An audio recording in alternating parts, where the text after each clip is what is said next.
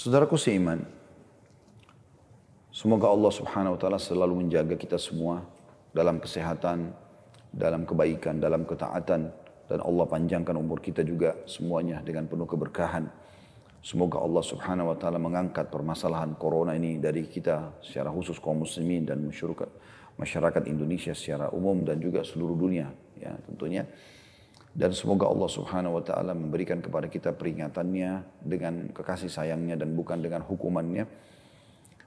Uh, kita akan masuk insya Allah pada siang ini dengan bahasan tentang dua buah yang bagus ini, ya mulia, dua buah yang sempurna yang Allah SWT ciptakan dengan warnanya yang sangat indah, ya. kemudian juga teksturnya, rasanya, ya Semuanya punya ciri khas yang luar biasa. Kedua buah ini sangat manis bagaimana sudah kita tahu dan sangat unik ya. Bagaimana semangka dengan ukuran besarnya, kemudian uh, kita bisa mengkonsumsi dan memperkaya nutrisi tubuh kita dengan ini semua apalagi ini alami. Warna merah ini bukan karena pewarna, warna kuning ini bukan karena pewarna. Pisang juga dengan begitu indahnya tersisir rapi ya di uh, apa namanya di tempatnya. Dan subhanallah sebagaimana saya bahasakan kemarin teman-teman sekalian uh, bagaimana kita seharusnya sebelum mengkonsumsi apa yang ada di hadapan kita ya kita hubungkan semua itu dengan kemahakuasaan sang pencipta Allah. Karena nggak mungkin semua ini ada tiba-tiba tanpa ada pencipta ya. kadar airnya warna kulitnya ya yang sangat indah, lembut isinya, cita rasanya, aromanya, ini pasti ada yang membuatnya. Dan ini sudah cukup menjadi tanda-tanda kebesaran sang pencipta Allah subhanahu wa ta'ala. Kita akan mulai teman-teman sekalian dengan uh, semangkah dulu. Uh, disebutkan dalam sebuah riwayat dari Aisyah radhiyallahu anha bahwasanya Rasulullah SAW biasa menyantap semangka dengan kurma yang sudah masak. Hadis sahih riwayat Abu Dawud dan Tirmidzi. Abu Daud menambahkan dalam riwayatnya bahwa Rasulullah SAW pernah bersabda, panasnya buah ini, maksudnya kurma, ya, tentu di sini ada kurma yang sudah kita letakkan, panasnya buah ini sampai Nabi SAW memegangnya, kita seimbangkan dengan dinginnya buah ini, maksudnya semangka. Ya, jadi Nabi SAW memegang dengan kedua tangan beliau SAW yang mulia. Hadis ini disahihkan oleh As-Suyuti dan Al-Arnaud juga dalam riwayat At-Tabarani disebutkan dalam kitab Al-Mu'jam Al-Awsat dan juga Al-Hakim dalam kitab Mustadraknya bahwasanya Anas radhiyallahu anhu meriwayatkan Rasulullah SAW mengambil kurma masak dengan tangan kanan. Jadi seperti tadi saya contohkan. Kemudian semangka dengan tangan kiri ya. beliau lalu menyantap kurma dengan semangka. Maksudnya memakan dengan tangan kanan kurmanya bismillah kemudian juga memegang dengan tangan kanan, semangka memakannya. Jadi dalam arti kata seperti dikombinasikan ya. Maka tadi saya sudah minta akhri jazakallah khair untuk bisa membantu kita dalam mengkombinasikan masalah itu ya. Mungkin teman-teman juga bisa buat di rumah, di jus ya. Dikelola sedemikian rupa sesuai dengan hadis Nabi SAW.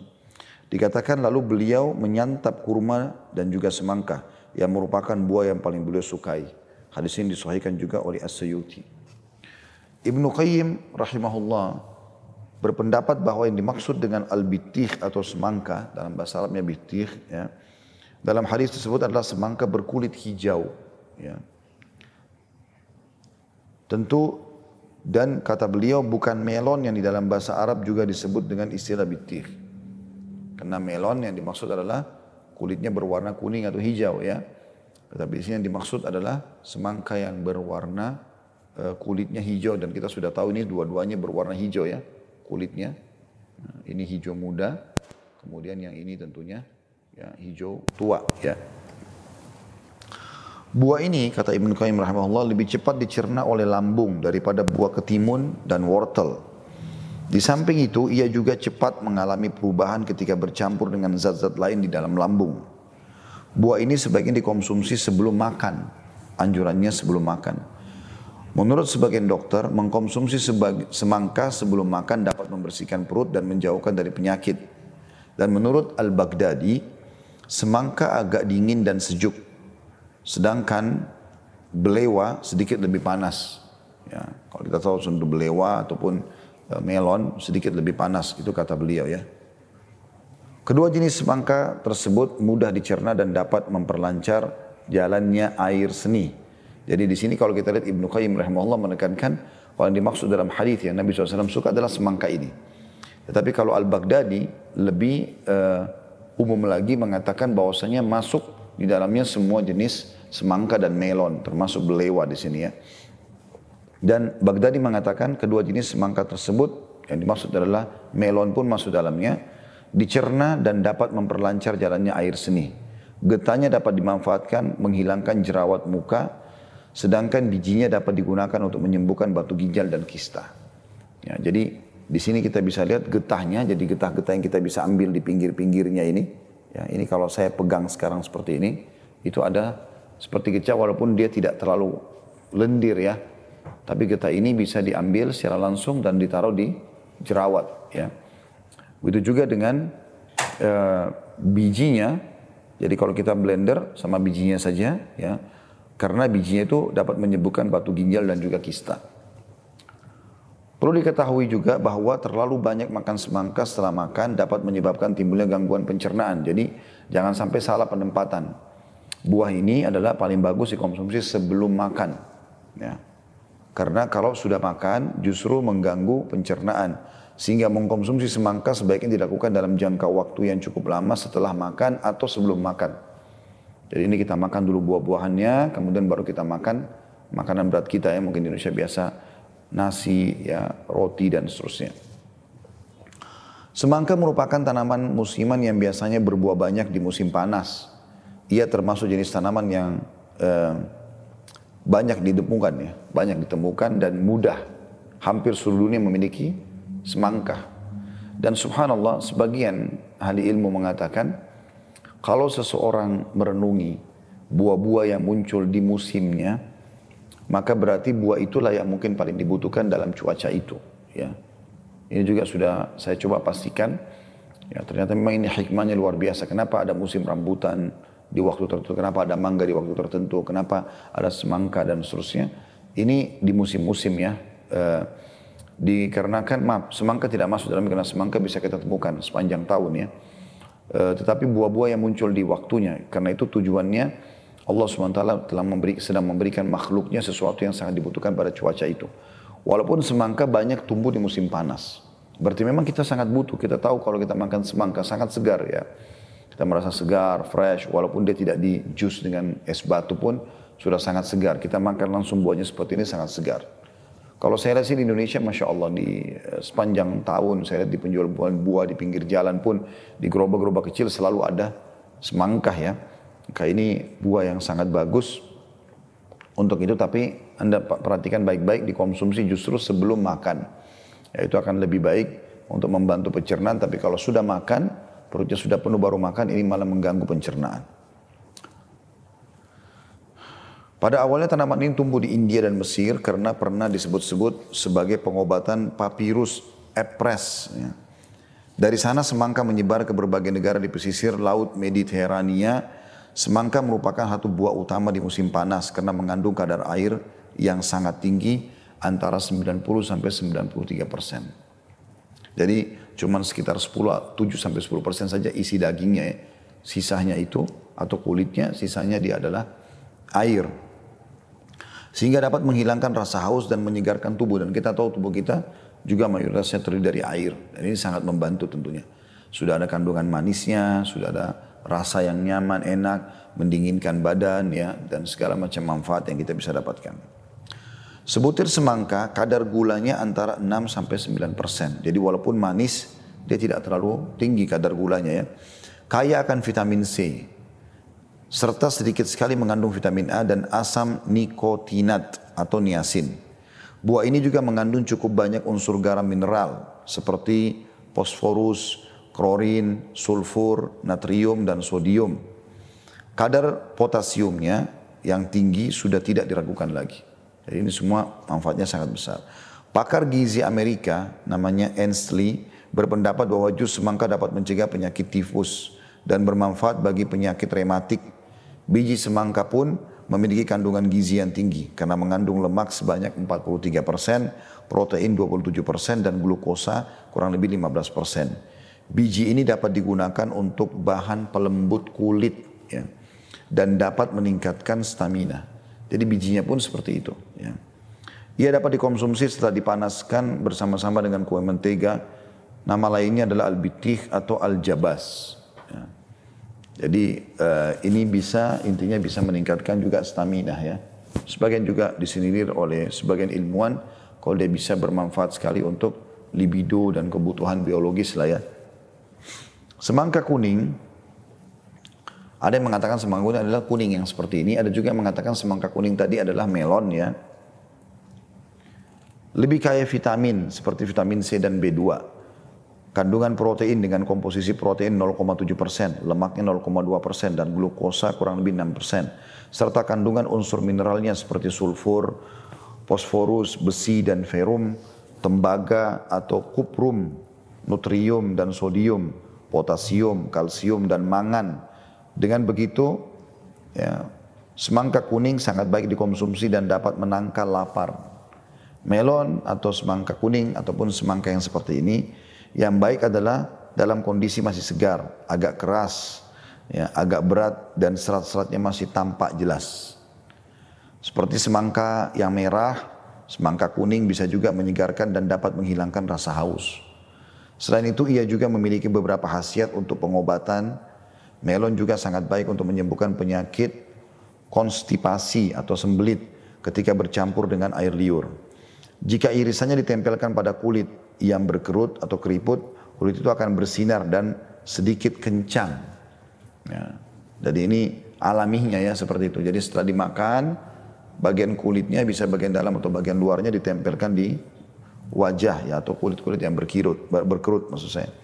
Di samping itu, buah ini juga bagus untuk mengobati kanker kulit.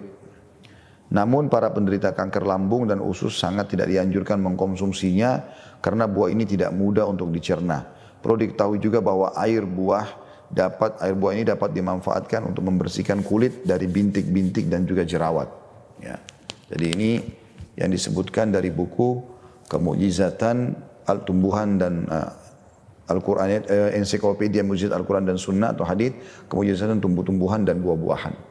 Saya ambil dari halaman uh, 136 ya, sampai 138 khusus membahas masalah ini tentunya.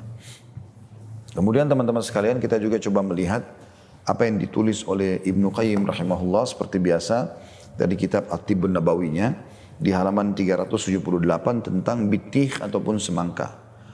Beliau menyebutkan juga diriwayatkan dari Abu Daud dan Tirmidzi dari Nabi SAW bahwasanya beliau pernah makan semangka dicampur dengan kurma muda yang sudah masak dan beliau bersabda panas di buah ini dinetralisir oleh unsur dingin di buah ini. Berkaitan dengan semangka ada beberapa hadis yang lain namun tidak ada yang sahih kecuali satu hadis ini saja. Ya. Jadi ini Ibnu Qayyim fokuskan kepada satu hadis ini. Yang dimaksud sini adalah semangka hijau atau yang kulitnya masih hijau, sifatnya dingin dan basah. Di sini ya, atau bisa membersihkan lambung, maaf. Jadi sifatnya dingin dan basah dan bisa membersihkan lambung. Lebih mudah dicerna di lambung daripada timun dan sejenisnya. Bahkan juga mudah larut dalam unsur makanan lain bila bertemu di lambung. Jadi dia bisa membantu ya. Dimakan dalam keadaan panas atau dimasak amat bermanfaat sekali. Kalau dimakan dalam keadaan dingin ada efek efek samping ringan yang bisa dinetralisir dengan sedikit jahe dan sejenisnya. Jadi ini pun sebenarnya saya pernah lihat ya ada uh, beberapa suku tertentu di dunia ini mereka memang mengambil memotong semangka lalu dimasukkan di dalam panci dan dimasak. Sehingga akhirnya dia seperti juga di blender ya dia otomatis menjadi seperti lendir dan ada kuahnya dan masih ada daging daripada buah dan itu mereka jadikan sebagai sayur.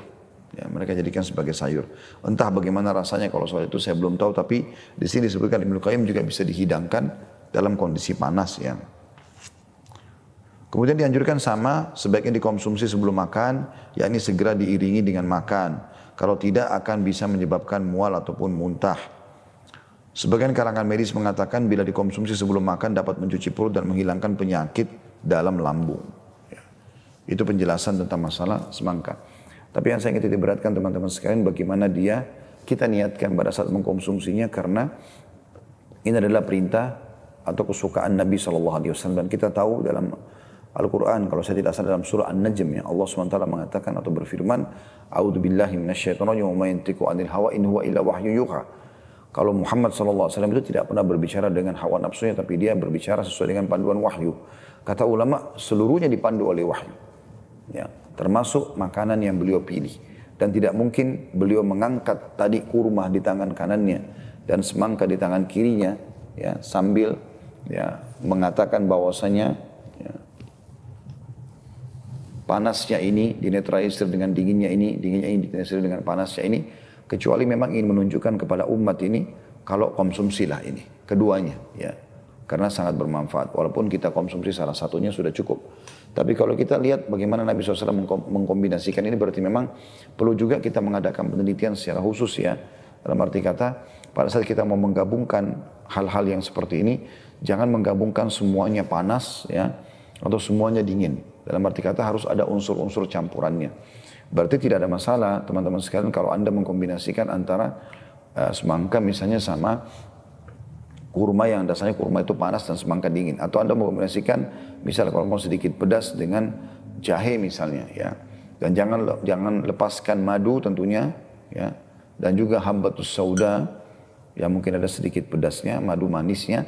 Maka ini juga bisa menjadi sebuah kombinasi yang sangat baik di antaranya juga dengan susu segar ya. Itu sangat bagus kalau Anda blender dengan susu tentunya. Maka itu akan sangat membantu menambah insya Allah kesegaran apa yang sedang kita konsumsi ini. Ya. Intinya teman-teman sekalian dari kulit bermanfaat juga untuk kulit kita. Bijinya bermanfaat tentunya untuk jerawat tadi sudah kita bahasakan. Ya, eh, kemudian juga buahnya sangat bagus untuk pencernaan. Ya, ini semua manfaatnya insya Allah sangat besar. Kemudian kita akan pindah insya Allah ke masalah pisang. E, pisang ini teman-teman sekalian juga buah yang e, disebutkan, tapi ini secara khusus kalau pisang ini disebutkan dalam Al-Quran kalau dia salah satu buah surga. Salah satu buah surga. Untuk lebih jelasnya saya akan baca dulu dari tafsir Ibnu Kathir. Ya, ini ada terjemahan bahasa Indonesia ya. Sudah di uh, lakukan di bawah pengawasan Syekh Safiur Rahman Al-Mubarak Furi uh, yang terbitkan oleh Pusaka Ibnu Kathir di sini. Di jilid delapannya itu ada di surah Al-Waqi'ah. Ya. Kurang lebih tiga surah sebelum terakhir ya.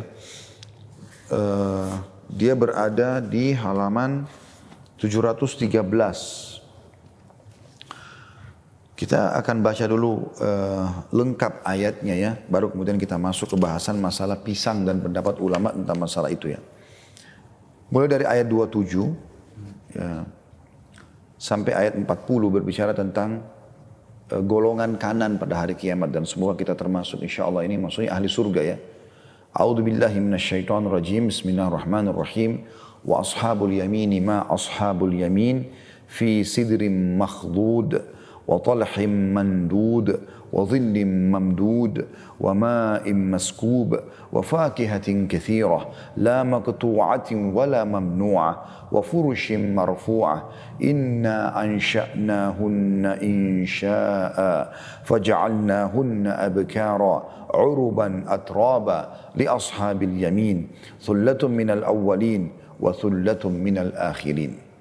Artinya, dan golongan kanan. Alangkah bahagianya golongan kanan itu. Mereka berada di kebun-kebun di antara pohon bidara yang tidak berduri. Jadi ada pohon bidara secara khusus ya yang saya selalu anjurkan teman-teman usahakan tanam di rumah. Pohon bidara sangat besar manfaatnya. Insya Allah nanti mudah-mudahan akan ada bahasannya sendiri ya. Kalau Allah mudahkan nanti Eh, daunnya bisa bermanfaat untuk mengobati kita dari sihir ya dengan ditumbuk tujuh lembar dan dicemplungin di air atau di blender dengan minuman dan seterusnya ya.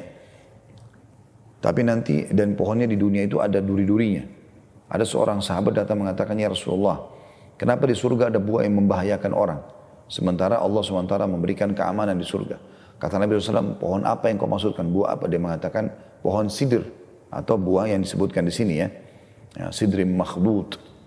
Nah, maksudnya adalah uh, pohon bidara. Maka kata Nabi SAW, sesungguhnya Allah akan menggantikan setiap durinya pada hari kiamat nanti di surga dengan buah. Ya, buahnya sangat manis, mirip dengan apel ya. Kemudian Allah mengatakan dan semacam pohon pisang yang bersusun-susun buahnya. Ini yang jadi bahasan kita nanti insya Allah. Dan naungan yang terbentang luas, maksudnya pohon-pohon yang sangat banyak sehingga sangat rindang. Dan air yang selalu tercurah dan buah-buahan yang banyak yang tidak berhenti buahnya dan tidak terlarang dalam mengambilnya. Jadi setiap kali dipetik keluar buah yang baru, setiap kali dipetik buah yang baru tidak tunggu musim ya. Itu makna salah satu maknanya dan kasur-kasur yang tebal lagi empuk. Sesungguhnya kami menciptakan para bidadari dengan langsung uh, dan kami jadikan mereka gadis-gadis yang perawan, maksudnya para pelayan di surga.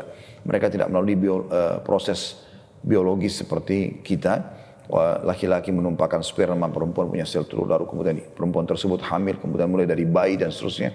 Bidadari dan pelayan surga langsung Allah ciptakan seperti malaikat. Langsung diciptakan, langsung bisa bertugas. Ya. Dan Allah jadikan mereka garis-garis yang perawan. Penuh cinta lagi sebaya umurnya. Kami ciptakan mereka untuk golongan kanan.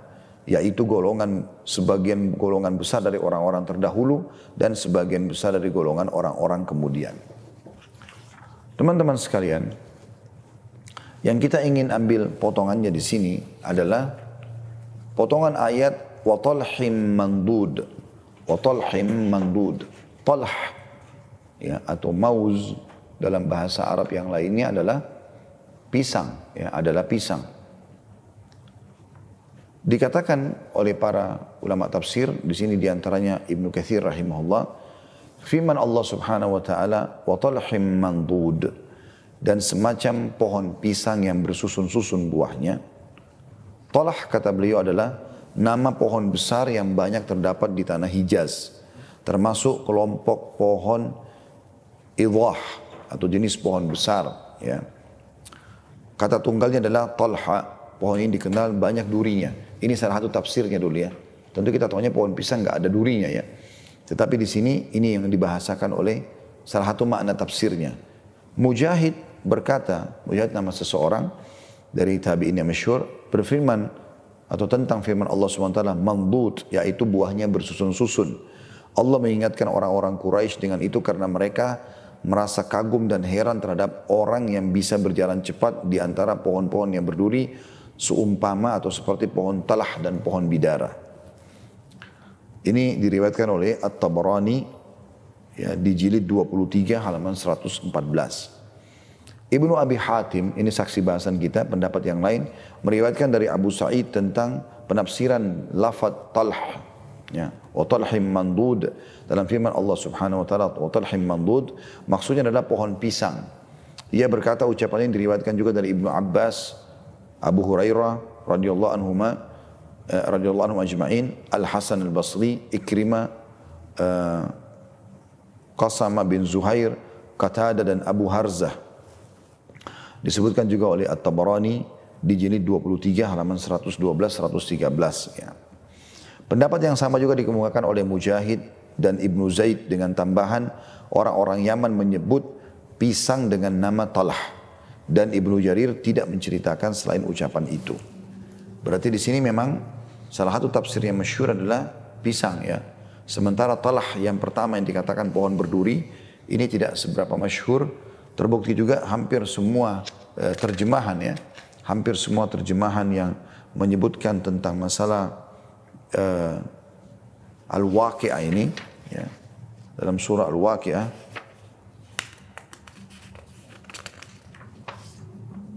tepatnya itu di ayat uh, 30 ya maaf di ayat 29 nya ini semua terjemahan saya coba cek ya hampir tidak semua itu saya cek ya tapi umumnya terjemahan termasuk dalam bahasa Indonesia diterjemahkan dengan pisang ya berarti memang dia punya uh, poin tersendiri dalam masalah ini ya.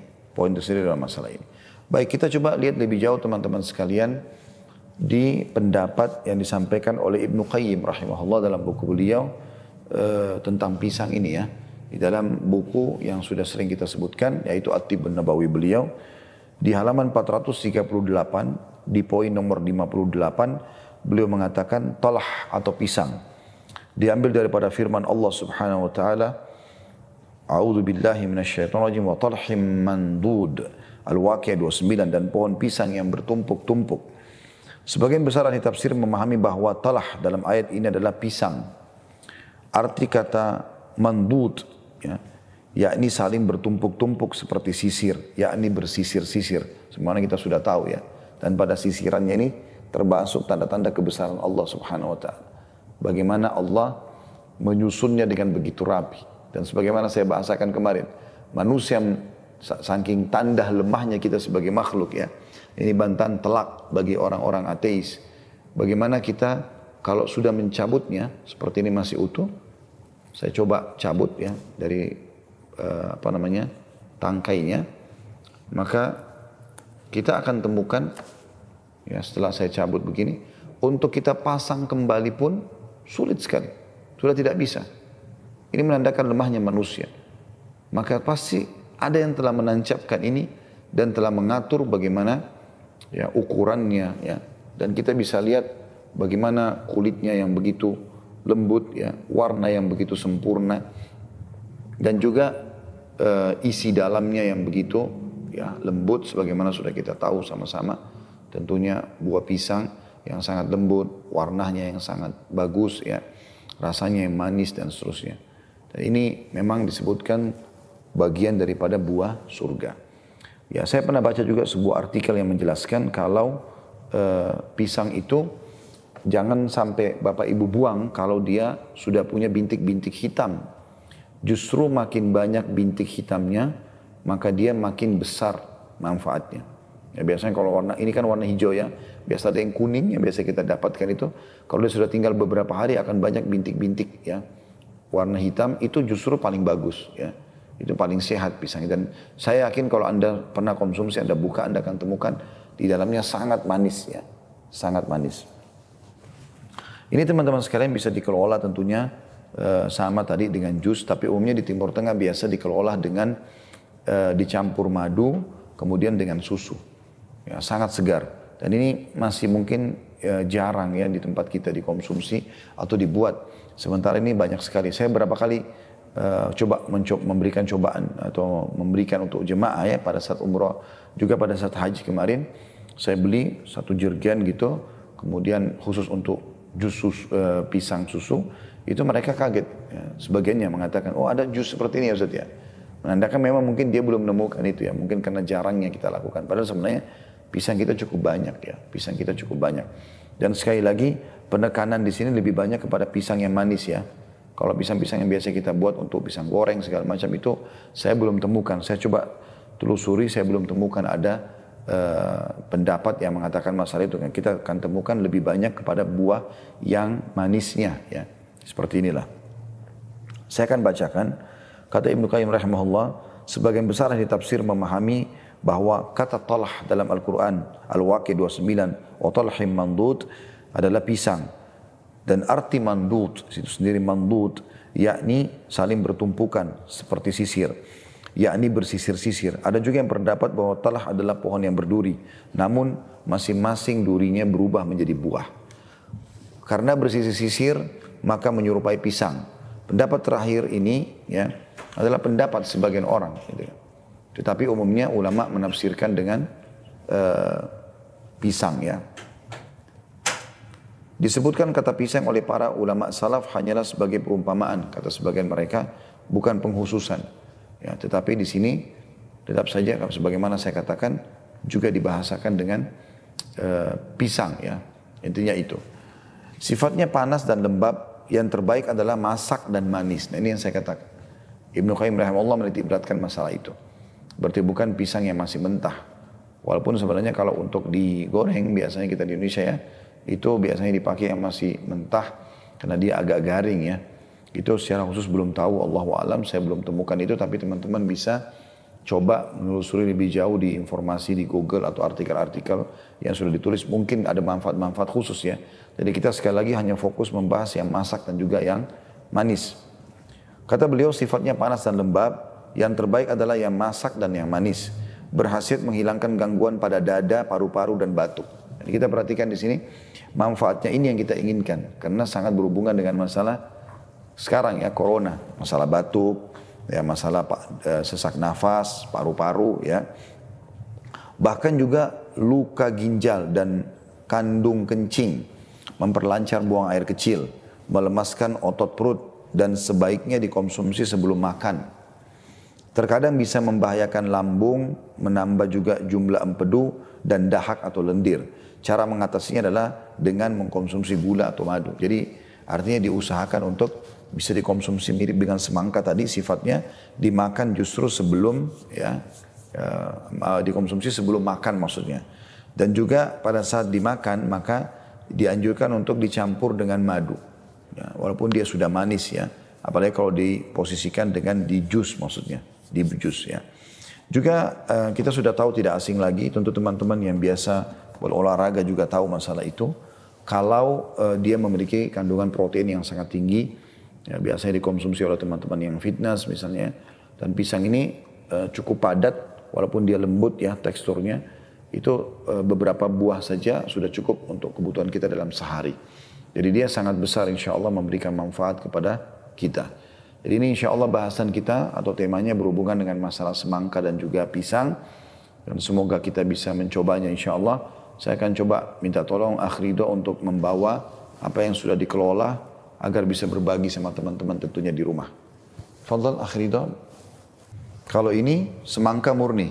Murni, original. Ya. Taib. Untuk satu gelas begini berapa banyak semangka yang dibutuhkan? Ini tanpa air jadi kita butuhkan agak lebih banyak semangka 150 gram saya pakai itu. Hmm. Kira-kira ukurannya seperti ini atau? Ya, seperti lebih, agak lebih besar dikit.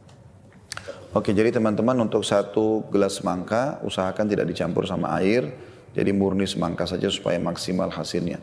Bijinya sendiri dimasukkan atau? Eh, kebetulan alhamdulillah kita punya semangka yang bijinya minim jadi nggak terlalu sulit tapi kadang ada semangka yang bijinya banyak tuh kita harus bersihkan dulu. Oh oke. Okay. jadi ini semangka termasuk biji yang kecil ya walaupun nah, tadi sudah kita bahas sebenarnya bijinya juga bermanfaat. Hmm, nah, kalau yang ini? Itu sama kurma ajwa saya campur tujuh butir hmm. di mix sama madu dan semangka. Ya ini penting teman-teman sekalian ya. Yang sudah kita bahasakan usahakan kalau kurma tujuh butir ya termasuk ajwa untuk menjalankan sunnah Nabi SAW. Dan ini berarti yang kombinasi yang tadi saya sampaikan semangka sama kurma sama madu ya. Oke. Okay. Ini kira-kira takarannya seperti apa? Sama semangka, tadi? Uh, semangka saya pakai 100 gram. Uh, 100 gram berarti seperti ini ya kurang ya. lebih ya. Nah. Karena tadi 150 lebih besar sedikit. Oke. Okay sama tujuh butir ajwa, ajwa dan dua sendok makan madu. Oh dua sendok ya. makan madu. Taib. Terus di blender ya. Oke ini? Ini pisang, hmm. pisang uh, bil halib uh, susu. Hmm. Kita pakai pisang uh, satu butir ditambah susu. Maksudnya satu buah pisang ya, begini. Satu buah ini hmm. ditambah uh, susu. Susu kita pakai susu full cream dua satu setengah sendok makan hmm. dan kita mix sama madu juga. Hmm. Madunya kira-kira berapa banyak? Madunya satu setengah sendok karena pisang alhamdulillah kita udah manis. Baik saya coba ya. Bismillah.